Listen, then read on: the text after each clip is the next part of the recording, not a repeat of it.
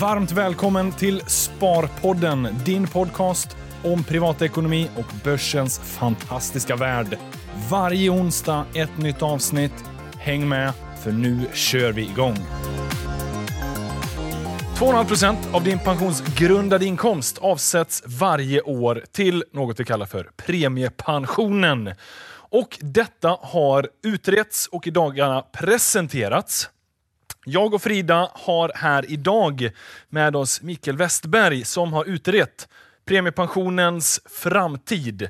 Och Det är lite det vi ska ta och prata om. Eh, vad kommer att hända med premiepensionen framöver? Först och främst, välkommen Mikael. Tack snälla. Välkommen. Eh, och du har ju utrett det här under ett års tid ungefär. Eh, och i ärlighetens namn, för er som kollar på video, så är det ju en Harry Potter-bok i princip. Mm. 800 sidor är den här utredningen på. Eh, ett bättre pensionssystem. Mm. Ett bättre premiepensionssystem. Ett bättre premiepensionssystem. Det är viktigt, för det är den delen som det här handlar om. Just 2,5 procent av den inkomsten man får avsätts i år. Eh, och om vi börjar någonstans med varför har du behövt utreda det här? Eller egentligen, vi kan börja så här. Vem är Mikael? Det kan vara lite intressant. Och, och varför har du utrett det? Jag eh, arbetar som rättschef på Försäkringskassan vanligtvis och har tidigare arbetat som eh, chefsjurist på Pensionsmyndigheten. Och jag fick regeringens uppdrag för eh, ungefär ett år sedan att eh, utreda eh, premiepensionssystemet och komma med ett antal förslag för att utveckla det. Mm. Men i, eh, det kan man väl förtydliga lite grann att i egenskap av chefsjurist på Pensionsmyndigheten så var du väldigt involverad i de problem som uppstod mm. Mm. inom fondtorget, eller hur? Mm. Ja, absolut. Och, och, den omedelbara bakgrunden till, till uppdraget handlar ju naturligtvis om de skandaler som har varit under de här senaste åren. Och då jobbade jag på Pensionsmyndigheten och fick hantera det som man får säga har varit eh, premiepensionssystemets eh, ganska tråkiga baksida.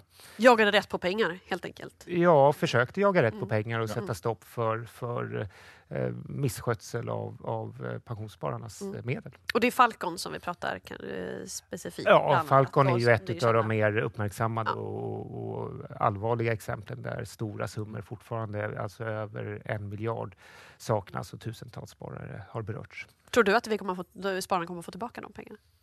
Det är en jättebra fråga och jag tycker man ska ställa den frågan till Pensionsmyndigheten. Och där jobbar du inte? okay. Men, men det här är ju en av de absolut stora anledningarna till varför det här nu utreds. Mm. Eh, den valfriheten som vi har sett på premiepensionstorget, fondtorget, har ju lett till att sådana här typer av Falcon Funds och liknande, det är inte de enda, utan det har ju varit eh, mer än en handfull sådana genom åren. Där det har varit mer eller mindre bedrägeri, pengar har försvunnit och det här gör ju att pension, eller människor får mindre pension. Mm. Och det är ju den stora anledningen till varför man har utrett det här. Funkar premiepensionssystemet eller inte i princip? Eller hur skulle du vilja beskriva det med egna ord? Ja, men det beror på vilka perspektiv man har. Jag skulle vilja säga så här, det är inte valfriheten som har varit problemet, utan det är hur systemet har varit utformat.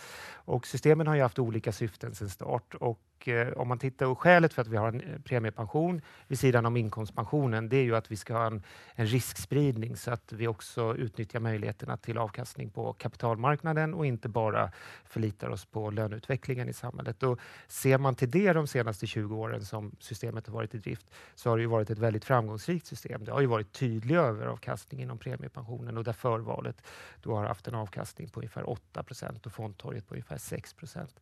Sen är det ju så att vi har haft ett öppet system som har gjort att eh, väldigt många fonder har fått komma in och de har fått komma in om de bara uppfyller vissa minimikrav. Och det vi såg de senaste åren var ju att ett antal oseriösa aktörer kom mm. in på grund av att eh, systemet byggde på att alla fick komma in. Men där, där, finns det lite delade meningar som jag har. För Pensionsmyndigheten har ju varit väldigt tydliga med att man inte hade mandat att säga nej i mm. princip mm. när, när eh, ja, den aktör som hade tillstånd helt enkelt få, fick vara med på fondtorget. Mm. Eh, sen finns det de i, i branschen som jag som hävdar att det inte riktigt stämmer, att man hade kunnat stoppa dem där. Håller du, vad, vad, hur ser du på det? Ja, när man tittar på, på bakgrunden till premiepensionssystemet så är det tydligt att utgångspunkten var att anslutning, öppen anslutning av ucits skulle säkerställa ett gott konsumentskydd och det har vi sett att det inte fungerar. Mm. Och därför fick jag ett uppdrag nu från eh, regeringen efter en överenskommelse i pensionsgruppen att utreda ett nytt system där man inte har öppen anslutning utan där man gör precis som på alla andra mm. fondtorg och, och tjänstepensioner till exempel. Man väljer ut de fonder som i förväntan kommer ge bäst avkastning eller åtminstone man väljer bort de fonder som i förväntan ger sämst avkastning. Mm. Men jag tror en eh, vanlig fråga som har dykt upp nu när det presenterades, för det gjorde det i veckan, eh, förklara lite för mig kronologiskt. Hur skedde, när fick du uppdraget att utreda och när eh, kom de här nya reglerna för premiepensionen? Som, eller de trädde ju i kraft nu vid årsskiftet. Mm. För jag tänker, de har ju ändå redan förändrat premiepensionen i viss mån. Mm. Eh, sker inte det här lite väl tätt in på varandra? Ja, det, eh, uppdrag, alltså, pensionsgruppen enades i december 2017 om att staten skulle ta ett större ansvar och att det skulle ske ett urval av fonder och att eh, man skulle förändra valmiljön så att den blev tryggare för spararna. Sen så under den tiden så kom också ett förslag för att hantera de akuta problemen som man såg, bland annat då när Falcon Funds inträffade. Eh, och de förslagen har genomförts förra året och pågår fortfarande. Men det är delvis två olika eh, problem som hanteras hanteras. Det har funnits ett mer eh, fundamentalt problem i premiepensionen också som handlar om att eh, det här alltför stora utbudet av fonder har gjort det svårt, givet hur människor faktiskt är och agerar i sådana beslutssituationer, att fatta medvetna och rationella val om placeringen av sin premiepension. Och du tar mer hänsyn till det nu i det här steg två? Än, för steg ett, det var mer att få bort de här värstingarna, eller hur man ska säga? Då. Ja, det är riktigt. Att, att det som jag har utrett handlar om att faktiskt hantera de, en del grundläggande problem som vi har upptäckt efter 20 års erfarenhet med premiepensionssystemet. Men det handlar ju också om att minimera risken för ytterligare skandaler av de vi har sett. För det är fortfarande så att vi har ett öppet anslutningssystem och Pensionsgruppen bestämde redan 2017 att det skulle vara ett urval precis som på andra fondtorg inom till exempel tjänstepension. Men, men, om du, för, jag förstår ju när du säger du fick ju det här uppdraget så det är mm. inte din sak då som jag förstår att ta ställning till om liksom steg ett mm. räcker eller så, utan du fick ju ett uppdrag och det var att utreda mm. det här steget. Mm. Men har du någon personlig reflektion eh, och liksom tankar kring den kritiken? Att det finns många som säger att man borde vänta och se hur steg ett utvecklas? Eller tycker du att det behövs gå vidare på en gång? Ja, du sätter ju fingret på hur det är att vara centralbyråkrat. Man har ju sitt uppdrag och, och, man ska följa det, absolut. Men, men jag menar, det här utredningsuppdraget har ju inte bara varit att, att genomföra en beställning, utan vi har ju haft i upplägg och, eller uppdrag att, att kartlägga hur andra aktörer gör. Och då har ju vi tittat bland annat på tjänstepensionen. Och det som är slående när man tittar på den, det är att premiepensionen har varit unik. Det är det enda systemet som jag har kunnat hitta som har öppen anslutning. Alla andra aktörer försöker välja ut fonder för att få bättre avkastning. Mm. Eh, och eftersom det här är en socialförsäkring, det ska vi komma ihåg, det här ska ju generera bra pension vid ålderdom, så tycker jag att det är naturligt att staten tar samma ansvar. Och det är ju en av de slutsatserna som jag presenterar i betänkandet också. Men, eh, den där vill jag gärna liksom, eh, hugga tag i lite. Eh, för så ser det ut generellt sett i alla typer av kollektivavtal, att det är upphandlat fondsystem. Men är, är, du säker på att det alltid handlar om att få så god avkastning som möjligt? Och bara för att det alltid ser ut så betyder det att det är det bästa sättet. Jag, alltså så här, jag, jag, fattar ju att mm. det är så det har funkat och det mm. funkar ju ändå i många kollektivavtal. Men eh, eh, det finns ju också styrkor i premiepensionen att det har varit öppet och man har kunnat ha en möjlighet att faktiskt hitta andra fonder och genererat en god avkastning. Eller också en god avkastning med förvalet. Ja, alltså fördelen med fondtorget är att det ger valfrihet. Man ja. kan välja och det har ju varit väldigt uppskattat. Och mitt förslag bygger ju faktiskt på att den valfriheten ska finnas kvar. Valfriheten ska utgå ifrån vad pensionsspararna efterfrågar och min bedömning är ju att det kommer finnas ett rejält utbud. Men erfarenheterna från systemet har ju också visat att den här valfriheten är svår att hantera för de allra flesta. Mm. Systemet har inte skapat förutsättningar för kloka och medvetna val hos de flesta, utan man har eh, kanske känt en valtrötthet och en, en stress och det resulterade ju också i att att väldigt många började anlita rådgivnings och förvaltningstjänster och de kostar ju ganska mycket pengar. Och där tycker jag att vi ändå måste dra en slutsats från det och ställa oss frågan, är det rimligt i ett socialförsäkringssystem, det som är den grundläggande delen av tryggheten vid ålderdom, ska det fungera på det sättet? Eller ska staten ta ett större ansvar och se till att de allra flesta kommer få en alldeles utmärkt pension genom att vara i förvalet. Och det är ju en tydlig utgångspunkt för mitt mm. uppdrag. Man ska inte behöva välja Är man inte intresserad eller inte kunnig, ja, då ska man få en bra pension i förvalet. Och det har varit för otydligt, eller? Ja, det har varit för otydligt. Ja. Och när systemet in, inrättades i början på 2000-talet, då var ju budskapet att man skulle välja för att få en bra pension. Och det ledde ju till att väldigt många gjorde val i början på 2000-talet som sen inte kanske har underhållit dem eh, i tillräcklig Just man valde en gång och sen... Ja, man valde en gång. Ja. Och det kan ju ha varit ett väldigt bra val som man är nöjd med nu också. Men eh, det finns inget stöd i den beteendevetenskapliga forskningen för att de allra flesta har gjort ett sådant val. Och då tycker jag att det är rimligt att staten faktiskt utformar systemet mer hur människor är. Mm. Men jag, jag, vill minnas i, nu så här, jag har inte läst alla 800 sidor, men jag har läst sammanfattningen och mm. uh, du, du, lägger ju en del vikt vid att det här ska vara en social försäkring, att det, är, det handlar om tryggheten i systemet.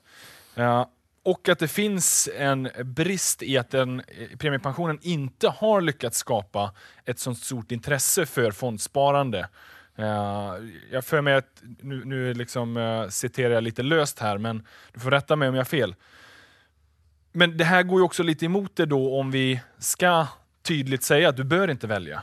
För det var ju det som gjorde att när man sa att du får välja så gjorde många val, men Sen så fortsatte de inte att välja. Mm. Och då tolkade man det som att ja, men då är de inte intresserade av att göra val längre. Mm. Det kan ju bara vara att valet var väldigt långsiktigt. Mm. Ja, men det, det, kan det absolut vara. Och har man gjort det valet, ja då ska ja. man ju vara alldeles utmärkt nöjd med det, om, om, om, man tycker det är det bästa valet för en själv. Men, men forskningen ger inget stöd för att, att en majoritet har gjort ett sådant val. Eh, och, och, jag menar ju inte att det är en brist i systemet att inte det har uppmuntrat eh, till mer engagemang. Eh, jag tycker bristen är att, att systemet, som i, i, grunden är gott, det ger överavkastning. Mm. Det måste man komma ihåg och det ska vara en utgångspunkt i fortsättningen också enligt mitt förslag. Det ska fortsätta att ge överavkastning. Men, men alltså, systemet som sådant kommer inte kunna öka engagemanget. Det visar forskningen och det måste vi bygga systemet utifrån. Eh, systemet ska anpassas till människan ja. och inte tvärtom. Det tycker jag är en, en grundbult i all statlig verksamhet. Sen kan man ju också driva på en förändring. Eh, nu, nu utgår vi ju då ifrån att människan inte kanske då är intresserad av förändring. Mm. Om vi då tydligt säger att du behöver faktiskt inte välja någonting. Eh, så då kommer vi ju förmodligen också skapa ett mindre engagemang genom att säga att du behöver inte välja. Eh, eh, jag, jag vill, det enda jag vill bara är att försöka se om man kan balansera det här att den positiva effekten av folkbildning i form av att alla får pension och därmed också naturligt engagerar sig eh, och det kan ju få spilleffekter att de också engagerar sig i det privata sparandet, i den privata pensionen, i tjänstepensionen. Eh, och om vi hämmar det där så kan det få fler konsekvenser utöver premiepensionen. Alltså, jag, jag, vill vara jättetydlig med att jag, jag, kunskap generellt tycker jag är alldeles utmärkt och är man intresserad av ekonomisk kunskap och sin egen ekonomi så det är alldeles utmärkt ja. och finansiell kunskap, det är alldeles utmärkt. Problemet är bara att det finns inget stöd i forskningen för att man kommer kunna uppbåda sån kunskap under tid som hjälper till i eh, sammanhang, pensionsvalsammanhang. Det är ett väldigt långsiktigt sparande. Eh, det kan vara 40-50 år eh, och det finns inget stöd för att, eh, för, i forskningen för att man kan göra sådana insatser eh, en gång eller två gånger, utan då ska man ha kontinuerligt hela tiden och det kommer ändå inte träffa alla i det här systemet och det kommer bli väldigt dyrt mm. och då kommer man tappa värdet av den här överavkastningen på, på aktiemarknaden genom att behöva lägga ner massa pengar på eh, att ha det här engagemanget eller kunskapen. Och vi såg ju effekterna i systemet genom att man köpte rådgivningstjänster, kanske för en tusenlapp om året. Och ni kan, jag är ju bara enkel jurist, men ni kan ju räkna ränta på ränta och ni vet effekten mm. av det. Det urholkar pensionen och då ja. menar jag att det är inget fel i att, att människor engagerar sig och att man, man eh, blir bättre på att göra sina val. Men det allmänna pensionssystemet som är en socialförsäkring kan inte bygga på det, utan det måste bygga på att ta hand om människor så som de faktiskt mm. är och agerar. Och därför ska förvalet vara utgångspunkten. Man behöver inte välja för att få en bra pension, men för de som vill välja, ja då ska det finnas ett utmärkt bra fondtorg som gör att man kan sätta ihop en bra portfölj. För det är ju också en, en viktig sak att det här fondtorget måste ju innehålla en, en rik variation av fonder som för de som faktiskt är där. Men mitt förslag, nu är jag ganska lång i svaret, men du är ganska lång i din fråga. Ja. Jag, jag, tar ordet. Helt okay. Liksom. Men jag, menar, ja. jag bygger mitt förslag på att de som inte vill och de som inte kan välja på ett fondtorg, ja, de ska vara i förvalet. Men de som vill och kan, ja, de ska naturligtvis ha Eh, det bästa fondtorget och sätta ihop sin egen portfölj på. Men då måste man också vara tydlig med vad det där innebär. Det innebär ett ansvar att se över sin, eh, sin portfölj. Det innebär ett ansvar att rebalansera utifrån sin egen riskpreferens. man måste ha koll på ganska mycket om sin privatekonomi. Och har man det och vill, ja, då ska man välja tycker jag. Mm. Men tror du vi behöver något form av kunskapstest för att se huruvida folk är kapabla att ta hand om sitt sparande? Eh, jag tror det är att gå ganska långt att göra det. Eh, jag tror däremot att man faktiskt behöver bygga in i systemet, och det här är ju ett webbflöde, det, och det mm. kommer det vara i framtiden också. Man behöver bygga in eh, tydlig information om konsekvenser av val. Man behöver bygga in bra stöd. Det ska finnas en struktur i, det här, i den här processen som gör att man stannar där man bör vara. Det vill säga, vill man vara i förvalet så ska man inte utsättas för eh, information om att man kan välja fonder på ett fondtorg. Men vill man gå vidare så ska man göra det i en attraktiv valmiljö med bra stöd och bra vägledning. Du var, du var ju väldigt tydlig på presskonferensen att en, en, en bra valarkitektur mm. möjliggör fler fonder. Ja, eh, alltså... Hur tänker du då? Alltså att det, det, det blir en garanti för att eh, då kan vi ändå ha ett ganska brett utbud eh, och ändå säkerställa att bra val görs? Poängen med valmiljön är ju att se till att eh, spararna är där de bör vara. Mm. Ingen som inte vill eller kan ska vara på fondtorget. Eh, och om man bygger valmiljön utifrån det, ja då kommer ju i största utsträckning bara personer som vill och kan vara på fondtorget och då ser jag inga skäl för att inte erbjuda ett eh, väldigt varierat fondtorg. Men omvänt gäller ju att om valmiljön är svag mm. så att man inte vet eh, hur man hamnar, ja då måste vi begränsa utbudet där och det tycker jag vore synd för de som vill ha valfrihet samtidigt som vi vet att de allra flesta väljer förvalet eller avstår från att välja och hamnar i förvalet. Mm. om man tittar då på utbudsfrågan, för den har ju rönt väldigt stor uppmärksamhet. Antal fonder mm. har ju blivit en, en knäckfråga. Men i utredningen så står det att en lämplig definition är att utgå från att det ska finnas en valfrihet som gör att urvalet av fonder är tillräckligt brett för att säkerställa, äh, tillfredsställa de flesta av de pensionssparare som är intresserade av att göra ett eget val. Vad är då tillräckligt brett? Ja. Dig? Det måste man ju ta reda på hur pensionsspararna ser på saken. Hur ska det göras? Då? Ja, men jag, alltså dels kan man ju prata med dem. Man kan ju göra undersökningar. Mm. Eh, som de flesta försäkringsgivare gör antar jag, så har man ju en dialog och man har eh, gallupundersökningar och man kan ha fokusgrupper. Mm. Men jag tycker också att man ska inspireras av andra fondtorg, titta på kategorier. Hur gör tjänstepensionen? Hur gör andra eh, fondplattformar för att dela in formerna och, mm. eh, fonderna? Och sen så sätter man ihop det utifrån det.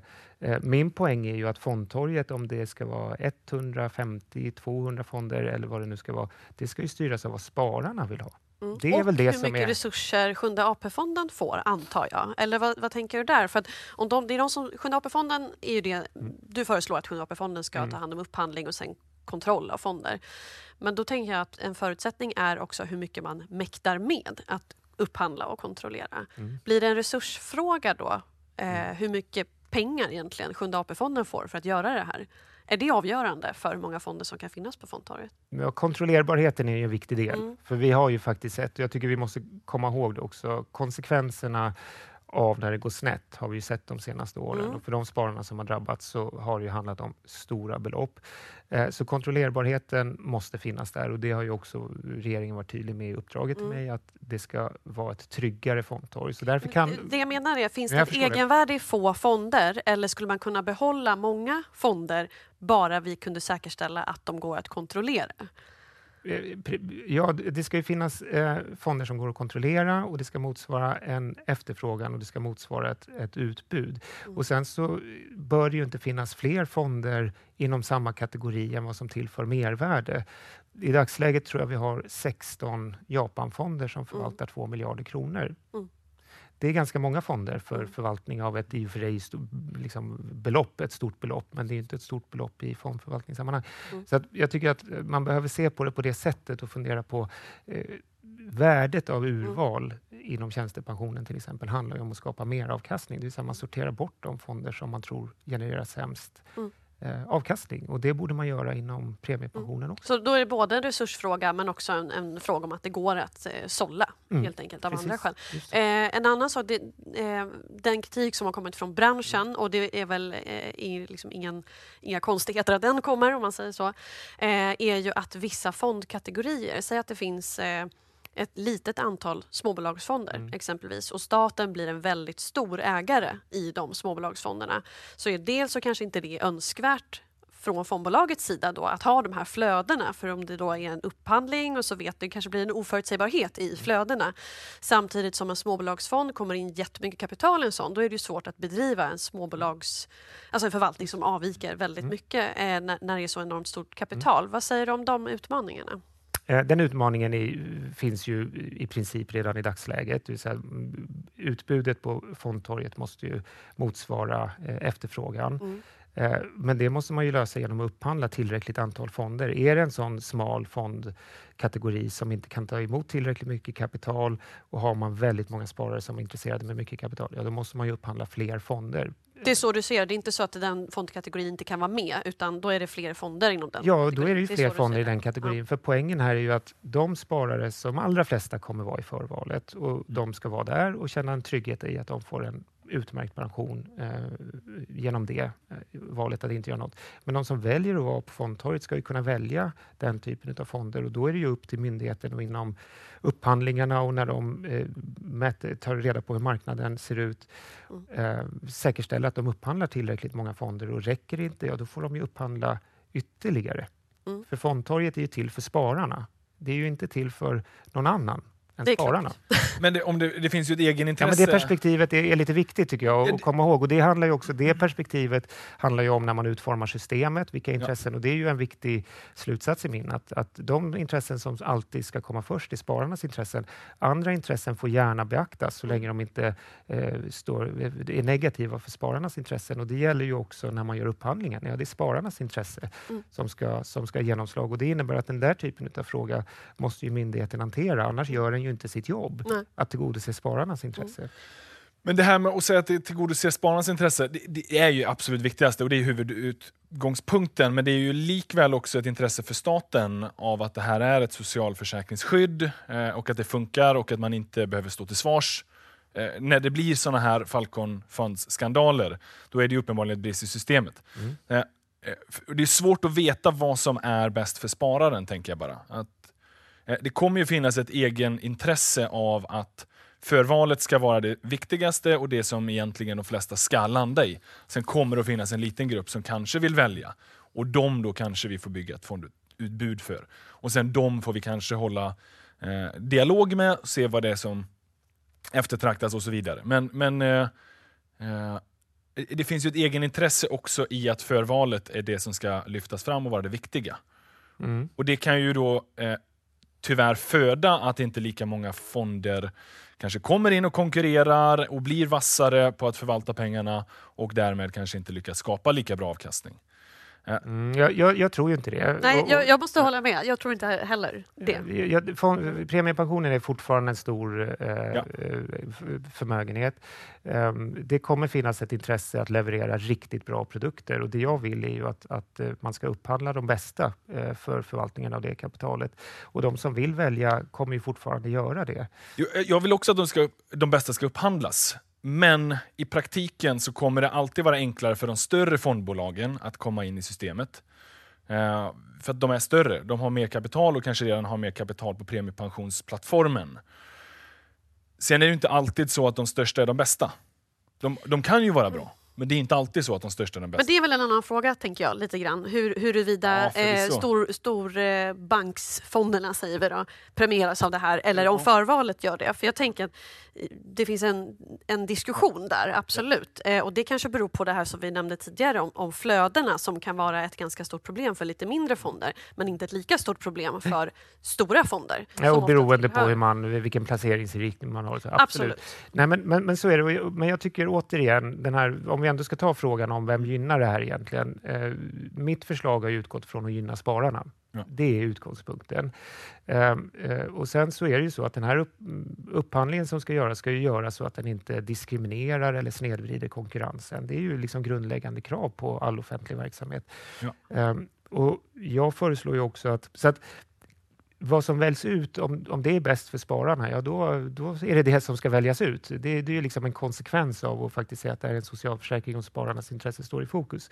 Men Jag föreslår ju också att en del av de här hindren som har införts nu, nämligen historik och, och fondförmögenheter, minsta fondförmögenhet, ska tas bort i vart fall i lagstiftningen så att de inte finns med på förhand. Eh, jag tycker att det där ska bedömas utifrån upphandlingen. Eh, vad Ja. krävs för att upphandla rätt bra. fond? Och det har ju en gynnsam effekt på, på eh, små eller nystartade fonder. Så att jag tycker Ja, inte riktigt att den här invändningen håller rakt av. Men den får också absolut prövas mot vad är bäst för spararna. Det låter ju som att det är ganska mycket upp då till Sjunde AP-fonden att avgöra här. Eh, liksom vilka fonder som ska vara med och hur många det blir och, och sådär. Eh, så det är därför jag är så intresserad av den här resursfrågan. Mm. För det är ganska stort arbete som liksom måste avkrävas Mm. då, Sjunde AP-fonden. Ett arbete som inte heller idag bedriver. som inte finns Nej. ju där. Nej. Det bedrivs ett visst arbete på Pensionsmyndigheten med granskning i dagsläget. De har ju en Mm. granskande av de som kommer in. Men sen kommer det ju krävas att man bygger upp en helt ny kompetens i staten motsvarande den som finns hos försäkringsgivarna och andra fondplattformar där man väljer ut fondselektion. Eh, Så det behöver ju staten bygga upp eh, kompetens på. Det kommer naturligtvis innebära en kostnad och mitt förslag är ju att den kostnaden, precis som i dagsläget, ska bäras av fond, fondbolagen. De som deltar och vinner en upphandling ska också stå för den kostnaden. Mm. Ehm, och ja, Men är du komfortabel med att det kommer liksom tillföras tillräckligt med kompetens och resurser hos Sjunde AP-fonden för att göra det här? Mm, det är jag. Eh, jag hörde någon eh, debattör säga att, att det här kunde bli världens bästa fondtorg och jag tror att det, eh, det är ju naturligtvis min förhoppning. Jag tycker att det fondtorg som mm, ändå ska finnas i premiepensionen ska vara det allra bästa för att vi ska vara väldigt glada över vårt allmänna pensionssystem och att det levererar en grundtrygghet. Och, och väljer man då fonder så ska det vara av högsta kvalitet. Något annat tycker jag är väldigt svårt att acceptera Mm. ehm, som, både som medborgare och utredare Mm. och tjänsteman. Och, och då, då, jag tror att det kommer eh, absolut gå att bygga upp den kompetensen och det har vi sett redan idag på AP-fonderna har ju bra kapitalförvaltningskompetens till exempel. Så varför inte kan man ju ställa motfrågan. Ja, för kapitalförvaltning är ju en sak. Nu pratar vi om upphandlingskompetensen. Ja, då, fondselektion, absolut. Ja, Men ja, den finns ju också på, på andra ställen i samhället. Mm. Och, och min poäng var att eh, staten kan bygga upp eh, den kompetensen också och Mm. det är naturligt att staten gör det. Men, och, och vi pratar om vad som är bäst för spararen. V- vad innebär bäst för spararen? Ja, men eh, i vilket... eh, Är det det jag undrar? Alltså så här, vad, är, eh, vad är det som är bäst? Är det att ha ett så tryggt system som möjligt? Är det att ha så mycket avkastning som möjligt? Jag vet ju att svaret är båda dem. mm, Men, men det är ju den som man behöver l- någonstans också balansera. mm. Eh, tryggheten i systemet, men vad, vad kan det ge för eventuella eh, negativa konsekvenser på avkastningen? Mm. För den, det skriver du lite om också, att man eh, eh, vill inte ha något eh, konkret eh, avkastningsmål, utan det ska överstiga inkomstindex. Och gärna kraftigt. Tydligt överstiga. Nej, inte bara gärna. Alltså poängen med Ja. ett, ett, eh, ett fonderat system är att det kraft, eh, tydligt ska överstiga eh, inkomstindex, för annars finns det ju ingen poäng att ha det. Då kan man lika gärna koppla det till, till inkomsterna. Mm. Det, poängen är ju att få en överavkastning och riskspridning ska man säga också. Mm. Eh, och vad gäller, om jag skulle svara på frågan, eh, så tänker jag att det, det handlar ju dels om trygghet i termer av att vi ska inte behöva uppleva fondskandaler som, som till exempel Falcon Funds igen. Alltså det, det får inte inträffa i ett Mm. eh, allmänt socialförsäkringssystem. Det ska inte få inträffa någon annanstans heller, men det är särskilt allvarligt när det inträffar där tycker jag. Eh, sen så ska det vara tryggt att de som erbjuder fonder levererar enligt eh, sitt löfte i affärsmodellen och där kommer ju urvalsförfarandet och eh, det sätt att välja ut fonder som, som man gör på andra fondplattformar och inom tjänstepensionen in. Det är ju de två viktiga trygghetsaspekterna, urvalet och ett stär- ännu starkare konsumentskydd. Men sen så tar du upp en annan fråga och det handlar ju om, om risken för att man kan förlora pengar. Och så är det ju. Risken som kan ge vinst kan ju också innebära att, att värdet kan gå ner. Och mitt förslag är ju att det ska finnas en ganska hög risk i premiepensionssystemet som utgångspunkt just för att man ska kunna få överavkastningen. Men det är ju en annan typ av risk. Ja. Det är ju den risken som, som man blir premierad för genom, genom överavkastning. Så jag tror att man behöver sortera de där riskbegreppen ganska noga och vara tydlig med vad det handlar om. Så att, för att om man bara säger risk så blir ju många, och det är ju också en del i beteendeekonomins Ja, insekter, många att, ja, då tänker man det där kan ju inte vara bra. Mm. Men historiskt sett så har det ju varit, varit väldigt klokt att eh, investera åtminstone en del av sitt sparande i aktier. Mm. Hur det blir i framtiden, det vet inte jag och förmodligen inte ni heller. Men, men för de allra flesta kommer det ju ändå vara en god idé att göra det. Ja, men, eh, anledningen till varför jag ställde frågan var ju, eh, för du utgår från in, inkomstindexet och den sätts ju av Pensionsmyndigheten varje år för att räkna upp eh, inkomsterna i samhället. Den def- Ja, den, Eller- den sätts ju faktiskt av löneutvecklingen. Så det, Ja, den det, sätts de, av de, de, löneutvecklingen. Nej, nej, nej. Ja, ja, ja, ja, eh, enkelt förklarat. Mm. Men den, den sätts eh, det är ju sista den allmänna oktober. ekonomin. Den allmänna eko- ekonomiska utvecklingen. Den sattes ju sista oktober. Eh, årets utveckling är 3,1 procent. Mm. Så det är bra, lönerna har stigit i landet under senaste året. Men då undrar man ju så här, vad är kraftigt överstiga? Eh, säg att avkastningen då ska vara det dubbla. Mm. Och då är vi uppe på 6 procent. Det är ju fortfarande mindre än den 8 procent som AP7 har ändå gett per Mm. år. Ja, men det, det är en jättebra fråga och jag har inte föreslagit någon siffra på det och det finns olika skäl för det. För det första är det väldigt svårt att, att förutse Ja. hur det där kommer Ja. bli. Visste man det så ja, då hade man ju varit väldigt glad. För det andra så, så tror inte jag att man ska sätta ett sådant mål så detaljerat mm, på, på högsta politiska nivå, utan det där får man bryta ner. Och för det tredje, kanske det viktigaste, det jag säger är ju målet för premiepensionen bör vara tydlig överavkastning under sparandetiden. Det tar ju sikte på hela systemet.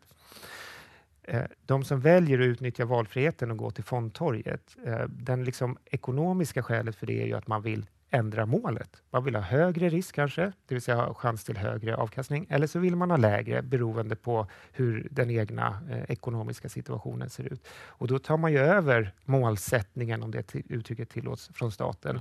Man får bära eget ansvar. Ja, man får bära eget man- ansvar och man sätter sitt eget mål. Så att det jag säger i betänkandet är ju att det här målet, eh, om statens ambition för premiepensionssystemet i mer konkreta termer, det kommer till uttryck i förvalet. Mm. För det är ju statens egen produkt. Sen är ju målet varje enskild fond och den fondportfölj man sätter ihop, ja, vad, vad risken blir där. Och det är ju det viktiga med det här. Det är ju att det ska man vara medveten om som individ, att det är det man gör. Mm. Så man kan inte gå till fondtorget och bara välja eh, låg risk och sen tänka att ja, men jag ska ha en inkomst som tydligt. Alltså man måste förstå vad det innebär. Och sen skicka klagomål när det inte blir så. Nej. Ja, jag tycker det kan man väl få göra. Eh, Men min poäng är ju att, att för att man ska känna trygghet med att man har gjort vad man kan för att det ska vara medvetna val, ja, då behöver den här valarkitekturen vara bra. Det behöver finnas tydlig information om vad det innebär. Så att därför så är mitt eh, förslag till mål eh, övergripande och just kanske som du antyder lite luddigt och, och svårdefinierat. Men, men det ligger i sakens natur. Men, vill man veta mer så ska man titta på målet för förvalet. men, men anledningen till varför jag tycker att den här är så otroligt viktig är för, eh, säg att vi nu binder den närmare inkomstindexet, eh, eller den allmänna löneutvecklingen i samhället. Mm. Eh, problemet är att det där kommer ju konstant öka lite, förhoppningsvis. Sen kommer vi ha några år där lönerna faktiskt faller, men de kommer aldrig variera jätte, jättekraftigt. Börsen däremot varierar jättekraftigt. Och vi vet ju att premiepensionen hade ingen flygande start, utan den inleddes mitt på en börstopp. Och den var kraftigt kritiserad under den första tiden, för förvalet levererade en jättedålig avkastning. var belånad och vi hade en brant fallande aktiemarknad risken är ju att eh, nu, nu faktiskt la man ju inte ner det här projektet utan man behöll det och fick den goda avkastning som nu AP7 har gett. Risken är ju bara om, man förväntar sig att det här systemet ska leverera en avkastning likt löneutvecklingen och sen så har vi vissa perioder, i, många fall kan börskrascher vara ett år till två år. Eh, och ger det där för mycket eld i brasan på att försöka förändra systemet än mer så kan vi då hela tiden hämma den här avkastningspotentialen. Det, det är egentligen det jag greppar lite, eh, kanske, kanske halvslarvigt efter, men eh, det är avkastningen i slutändan som många kommer vara jätteintresserade av. Vad vad får jag i pension? Men, men det är en jätteintressant frågeställning du tar upp och det handlar ju om mättiden. Alltså, det här är ett livslångt sparande. Så när jag säger att det ska ha tydliga avkastning över inkomstindex, då är ju det under en sparandetid som man måste titta på det. Under den tiden så kommer det gå upp och ner och man kan tåla ganska stora upp och nedgångar när man är tidigt i sparandetiden. Det är ju när man närmar sig pensionen som det blir viktigt att börja fundera på vilken risknivå man ska ligga på. För då kan det ju vara eh, väsentligt mycket värre att drabbas av ett börsfall. Så att jag lämnar ju också ett förslag i det här betänkandet på att man ska ha en särskild utbetalningsprodukt där man ser över hur man ska sköta övergången från sparandetiden. För under sparandetiden eh, så tycker jag att det ska vara tydlig överavkastning över inkomstindex. Men när man kommer till utbetalningstiden, Ja. då blir det mycket viktigare för väldigt många att veta faktiskt vilket belopp man får. Där kan hundralappar i månaden ha en avgörande för betydelse för ens egen välfärd. Eh, eh, Så då behöver man justera risken och sänka den eventuellt beroende på vad man har för marginaler. Samtidigt som man måste komma ihåg att går man i pension någonstans mellan 62 och eh, någon hög ålder, ja då kan man ju ha väldigt många år, kanske Mm. 30 år kvar. Med, Jag, jag tänker redan i, i dagens premiepension så kan man ju välja tradlivportfölj när man har gått i pension. Är det något sånt du ser framför dig eller vad är skillnaden i det, den här utbetalningsprodukten? Då? För den, den, det är en särskild egen utredning. Jag, Ja, jag föreslår ju det och, och Ja. är ganska vag, så att jag har Ja. ju inte lämnat några förslag på det. det. Det skulle ju kunna vara ett alternativ, eh, men det är ju inte bara det själva under utbetalningstiden, utan det handlar ju också om övergången. Därför att precis som du är inne på så är det ju den här avtrappningen. Vad händer? Mm. Eh, Är det klokt att bara sälja av allt kapital och sen köpa en traddliv i en Mm. börsnedgång? En del säger att ja, man köper och säljer i samma marknad. Men den här avtrappningen behöver man titta på också. Mm. Och där finns ju, nu är ju min utredning en av två kan man säga. Jag har ju tittat på hela premiepensionssystemet. Sen har det ju pågått en utredning av förvalets risknivå Mm. också. Och där eh, funderar man ju också på hur det ska se ut under Ja. utbetalningstiden. Så att jag inte, lämnar inte särskilt konkreta Nej. exempel, men jag tror man behöver se de här tre delarna. Det är sparande, eh, tid, det är den här fasen mellan sparande och pension och det är pension. Och det där behöver man se på. Men mitt förslag, det bygger inte på att det där utreds och behöver genomföras, utan förslaget står eh, för sig själv. Mm. Mm. Om vi ska försöka sammanfatta lite. Eh, vad är det i, i, i de stora dragen? Eh, vi- nästan varit lite intressant. Vad, vad kommer hända härnäst? För det här spelas ju in på onsdag eftermiddag. Eh, Du presenterade förslaget i måndags. Mm. Eh, hur ser egentligen eh, följden ut framåt? Jag har ett uppdrag eh, som eh, fortlöper fram till eh, årsskiftet eh, 2020-2021 att nu införa en ny huvudman för Fondtorget och jag har ju lämnat ett förslag. Nu ska det förslaget remitteras under tiden som utredningen pågår. Och förslaget är ju AP7. Som ska byta namn, Byta namn. till Myndigheten för premiepensionens fondförvaltning enligt det här förslaget. Det är ju jätterubrik ovänlig. Ja, och jag, jag, har fått, jag som ja. gammal journalist. jag har fått kritik Det för det. Ja. eh, Ja, men det AP7 namnet. känner folk igen ändå. Ja, och väldigt eh, lätt Ja. att ha i rubriker och sådär. Men, men, men då tycker jag så här att eh, myndigheter får gärna vara gråa och myndighetsgråa eh, så länge de gör ett jättebra jobb. Och den här myndighetens uppgift är att leverera eh, jättebra upphandlingar och jättebra förvaltning av förvalet. Och då tycker jag namnet är, liksom, det, det får gärna vara trist och tråkigt. Sen är det faktiskt så att jag föreslår inte en ny premiepensionsmyndighet, utan Pensionsmyndigheten ska fortsätta ha alla kontakter med spararna. Mm. Eh, Spararna ska inte behöva märka den här förändringen, utan det här är backoffice för Pensionsmyndigheten på kapitalförvaltningssidan som jag föreslår. Ja, och, eh, eh, precis, man ska fortfarande gå till pensionsmyndigheten.se för att hitta sin pension och så Mm. vidare. Inga förändringar där, utan Nej. det, ska, det som man ska mötas av enligt det här förslaget där, det är ju en mer genomarbetad valarkitektur. Som man, Ja. vill man, eh, alltså man ska inte uppmanas att välja om man inte vill det, men vill man och kan, ja då ska man möta en attraktiv valmiljö med, med bra stöd och, och råd. Ja. Kan du säga någon mer fondkategori? Vi var inne lite grann på det. Japanfonder, där kanske det finns utrymme för att banta utbudet. Kan du säga någon mer sån kategori som du ser framför dig? Här kommer vi nog skära lite. Nej, men jag, jag vill inte, och jag tog det som ett exempel på någon kategori med väldigt många fonder där man Mm. eh, liksom kan ifrågasätta, behövs det verkligen så många Mm. för att förvalta det kapitalet och för att säkerställa reell valfrihet? Det här kommer ju bli en huvuduppgift för den nya myndigheten att göra bra eh, kategoriindelningar och upphandla rätt fonder. Mm. Så jag skulle absolut inte våga mig på det här, för det är ju i nuläget, för det ska ju göras på ett klokt sätt och ett gediget sätt. Så får återkomma med det. Okej då, det var ett försök. Jag får ge mig. Eh, så att, och upphandlingen bedömer du tar ungefär två år för dem att göra det här. Det Mm. återstår väl att se. Det är en uppskattning Ja. på, på två till tre år. Ja. Ehm, men så nu ligger egentligen eh, korten hos politikerna, de ska se över det här och remittera. Eh, ja, det ska remitteras, men man ska komma ihåg att det här är ju eh, följden av en överenskommelse i pensionsgruppen och att det ska vara ett upphandlat fondtorg eh, framgår tydligt där och att det ska vara en ny huvudman framgår tydligt där också. Ehm, sen ska man naturligtvis remittera och man ska ta in remissinstansernas förslag och sen ska ju politiken besluta genom lagstiftning. Så att, eh, eh, den processen pågår ju parallellt med, med utredningens arbete. Mm. Bra. Mikael, stort tack för att du kunde gästa oss här i Sparpodden och eh, förklara lite mer, eh, bemöta våra frågor. Och eh, jag hoppas att även ni lyssnare har fått en bättre förståelse för det här. Och sen så kommer väl det att fortsätta debatteras hur vårt pensionssystem och då mer specifikt premiepensionen ska utvecklas framöver. Men vi säger tack så mycket tack för att du kunde komma hit. Tack snälla för att jag fick komma och vad pålästa ni var. Eh, redan får man säga. Det har bara gått eh, tre dagar. Så, mm. Och Det ska man ju säga, det är ju en Harry Potter-tjock bok eh, som du med ditt team bakom eh, dig har lagt eh, mycket tid på det senaste året. Absolut, och det ska jag verkligen framhålla. Eh, alla fördelar i det här. det som är bra i det här är ju naturligtvis framtaget av jätteduktiga medarbetare, utredningssekreterare som har jobbat stenhårt i ett år. Så är det. Mm. mm. Men då har vi något att fortsätta läsa det har vi. resten av året. Verkligen. Ja, men det är bra. Ja. Tack än en gång och tack till er som har lyssnat. Ni vet att Sparpodden är tillbaka nästa onsdag igen. Vi säger ciao! Ciao!